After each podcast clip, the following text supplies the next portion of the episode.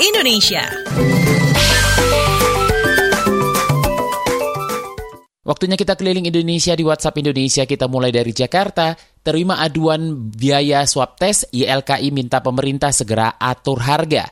Selengkapnya dilaporkan reporter KBR Heru Haitami. Selamat pagi. Selamat pagi, Yayasan Lembaga Konsumen Indonesia YLKI mengungkapkan telah menerima sejumlah aduan masyarakat terkait mahalnya biaya tes usap atau swab tes menggunakan metode PCR. Pemerintah didesak segera melakukan standarisasi harga agar biaya untuk tes tidak membebani masyarakat. Selain itu, menurut YLKI, untuk memastikan di lapangan tidak tidak adanya permainan harga, juga perlu dilakukan audit terhadap rumah sakit penyedia tes usap tersebut. Sementara, pemerintah masih merumuskan standarisasi harga tes swab menggunakan PCR. Ketua Satuan Tugas Penanganan COVID-19 Doni Manado mengatakan, Badan Pengawas Keuangan dan Pembangunan BPKP telah memberikan rekomendasi harga untuk kontraktual dan mandiri. Untuk tes mandiri, BPKP merekomendasikan sebesar Rp797.000 per spesimen. Namun, Doni menyebut harga tersebut masih akan dibicarakan dengan Kementerian Kesehatan untuk mendapatkan harga yang ideal. Demikian saya Heru Tami melaporkan untuk KBR. Selanjutnya menuju Banyuwangi, Jawa Timur, program Siswa Asuh Sebaya atau SAS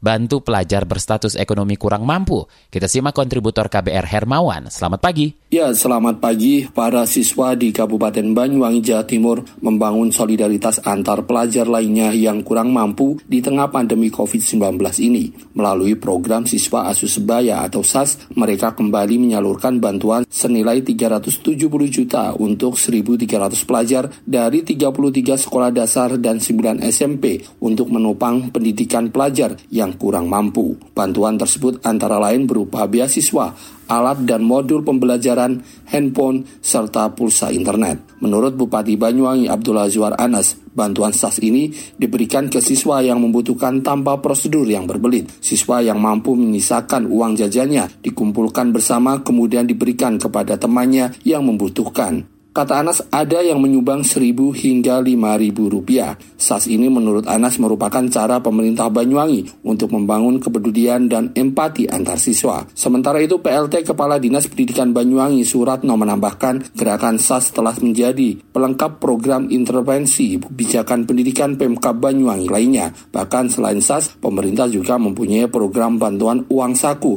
dan transportasi untuk pelajar yang kurang mampu. Demikian dari Banyuwangi, Hermawan melaporkan untuk KBR. Terakhir kita mampir Kalimantan Timur, penyebaran COVID-19 klaster keluarga dan perusahaan di Balikpapan meluas. Kita simak kontributor KBR Teddy Rumengan. Selamat pagi. Selamat pagi, Kota Balikpapan mencatat klaster penyebaran COVID-19 terus bertambah. Kepala Dinas Kesehatan Kota Balikpapan Andi Sri Juliarti mengatakan sudah ada 140-an klaster keluarga dan 170-an klaster perusahaan. Andi menambahkan klaster keluarga yang paling sulit untuk melakukan pengawasan protokol kesehatan ini terjadi karena tidak adanya protokol kesehatan di keluarga. Di kota Balikpapan hingga awal pekan ini jumlah kasus COVID-19 mencapai 3 ribuan kasus dengan 184 kematian. Demikian saya Teddy Rumuan melaporkan untuk KBR.